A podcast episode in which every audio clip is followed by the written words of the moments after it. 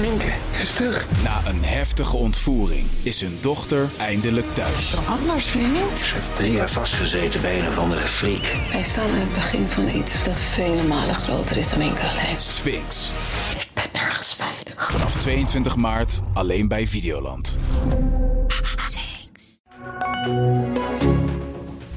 Dit is de AD Nieuws Update met Jelle Akerboom. Mensen met een ernstige afweerstoornis krijgen vanaf vandaag een uitnodiging voor een derde coronaprik. Ronella Grotens van het RIVM. Het gaat om een groep van zo'n 200.000 tot 400.000 mensen. Waarom worden zij nu juist opgeroepen voor een derde prik? Ja, dit zijn mensen die uh, een ernstige afweerstoornis hebben en daardoor minder goed hebben gereageerd op de eerste twee prikken die ze gekregen hebben. Je moet je voorstellen, er zijn een aantal onderzoeken geweest afgelopen jaar uh, naar het effect van die coronaprikken bij mensen met een afweerstoornis, door bijvoorbeeld de ziekte die ze hebben of medicijnen die ze gebruiken. En uit die onderzoek is gebleken eigenlijk heel goed nieuws dat voor de meeste mensen met een afweerstoornis het vaccin goed gewerkt heeft, dat ze goed beschermd zijn. Maar er is ook gebleken dat voor uh, bepaalde kleine groepen patiënten met zo'n ernstige stoornis dat bij hun het uh, vaccin soms wat minder goed werkt en dat ze uh, iets minder bescherming opbouwen. En daarom willen we ze nog een prik aanbieden, zodat ze hun bescherming kunnen verbeteren. En hoe is er bepaald wie er precies in aanmerking komt voor deze derde prik? Dat is gedaan op basis van die onderzoeken die in Nederland gelopen hebben. Uh, in een uh, werkgroep met een aantal medisch specialisten, gemandateerd door beroepsverenigingen. En in die werkgroep is gekeken naar het wetenschappelijke bewijs, ook naar de internationale aanbevelingen. Op die manier is er een selectie gemaakt van wie hebben dit nu echt nodig en bij wie uh, kan zo'n derde prik echt uh, baat uh, geven. En hoe zit het dan met de rest van Nederland? Want het gaat nu nog maar om een maximale groep van 400.000 mensen. Kunnen er nog veel meer mensen hiervoor in aanmerking komen? Nou, die kans is niet zo groot. ik denk dat je ook een beetje denkt hè, aan die booster waar veel mensen het over hebben. Hebben we nu allemaal een derde prik nodig? Maar dat is eigenlijk een ander verhaal. Want wat we zien is dat de, de meeste mensen dus heel goed beschermd zijn door die coronavaccinaties. En dat de meeste mensen uh, de bescherming nu ook nog niet afneemt. En dat is waarom je zo'n derde prik in het hele land misschien zou willen inzetten als de bescherming afneemt nadat je goede bescherming opgebouwd hebt. Nou, dat zien we dat dat niet het geval is. En we zien dus echt alleen maar bij deze kleine uh, groepen patiënten dat zij nog niet voldoende bescherming opgebouwd hebben en dat ze dus eigenlijk nog niet klaar zijn met hun vaccinatieserie. Ja, terug naar deze groep. Wanneer kunnen zij hun derde prik ophalen? Nou, dat kan vanaf morgen. De uitnodigingen uh, zullen verstuurd worden vanaf vandaag. En uh, dan zal die morgen voor het eerst bij sommige mensen op de mat ploffen. De komende twee tot drie weken zullen die uitnodigingen verstuurd worden, want ze worden verspreid verstuurd. En uh, dan kunnen mensen meteen een afspraak maken. En met de uitnodiging kunnen mensen ook bij prikken zonder afspraak terecht. Ronella Grotens van het RIVM, dankjewel. Vakbonden en ondernemingsorganisatie FME willen de stijgende energiekosten voor de bedrijven worden gecompenseerd. Met name de metaalsector wordt hierdoor zwaar getroffen. Vanmiddag bieden zij hiervoor een petitie aan bij demissionair minister Blok van Economische Zaken.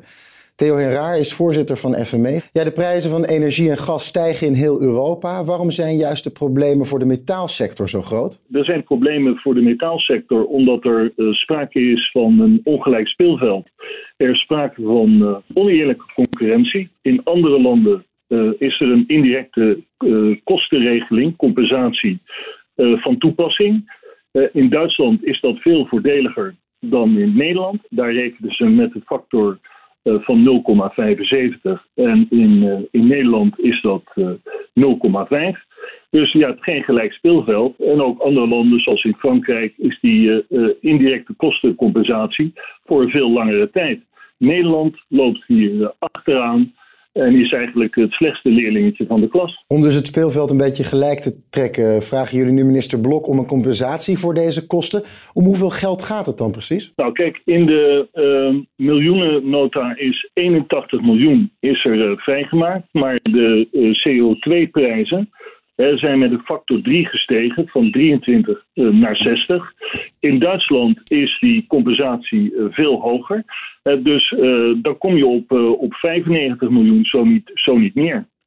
Ja, we hebben het nu over de metaalsector, maar zouden niet alle bedrijven een compensatie moeten krijgen voor de hoge energiekosten? Nou, bedrijven die zeer energie-intensief zijn, hebben het zeker nodig.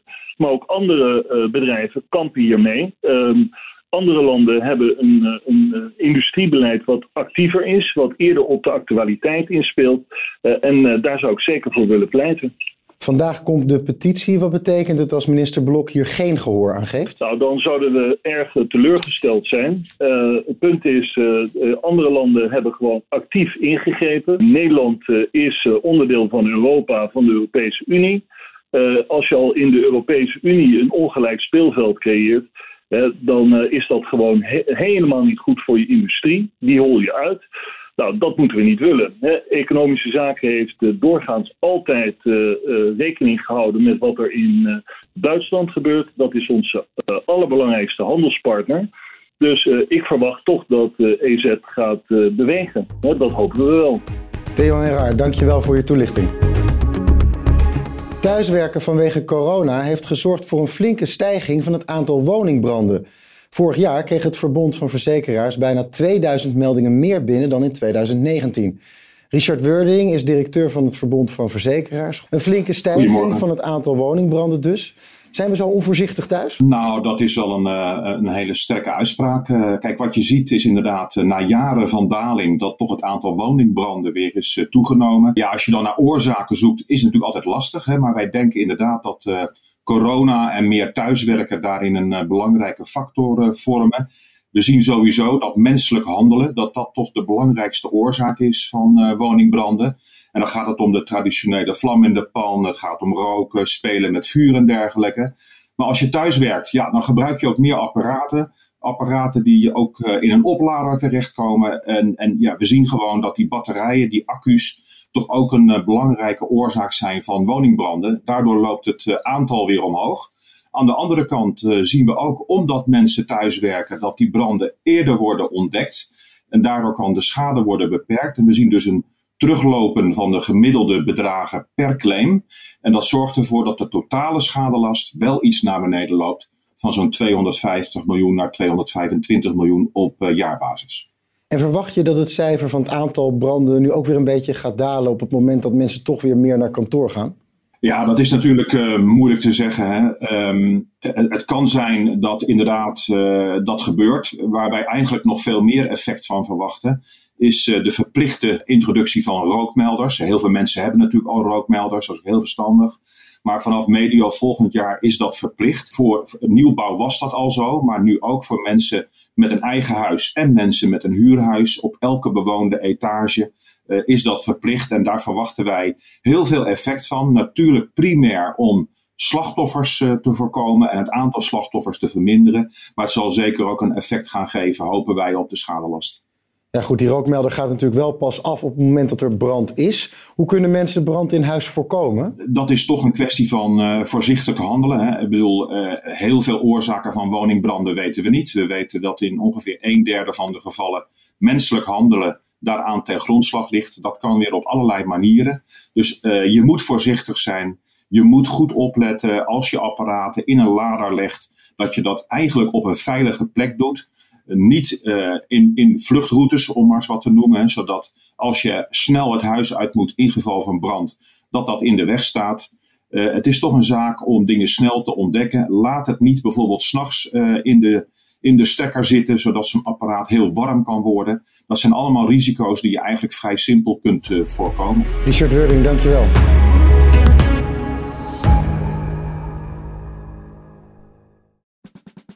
Luister ook naar onze podcast Politiek Dichtbij. In een half uur praten we hierbij over de stand van zaken op het Binnenhof. En niet alleen vanuit de wandelgangen in Den Haag, maar ook vanuit een regionaal perspectief. We zijn te vinden in onze app, op Apple Podcast en op Spotify. En wie zijn wij dan?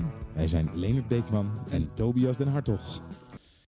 Minke is terug. Na een heftige ontvoering is hun dochter eindelijk thuis. Zo anders, vriend. Ze heeft drie jaar vastgezeten bij een of andere freak. Wij staan aan het begin van iets dat vele malen groter is dan Minke alleen. Sphinx.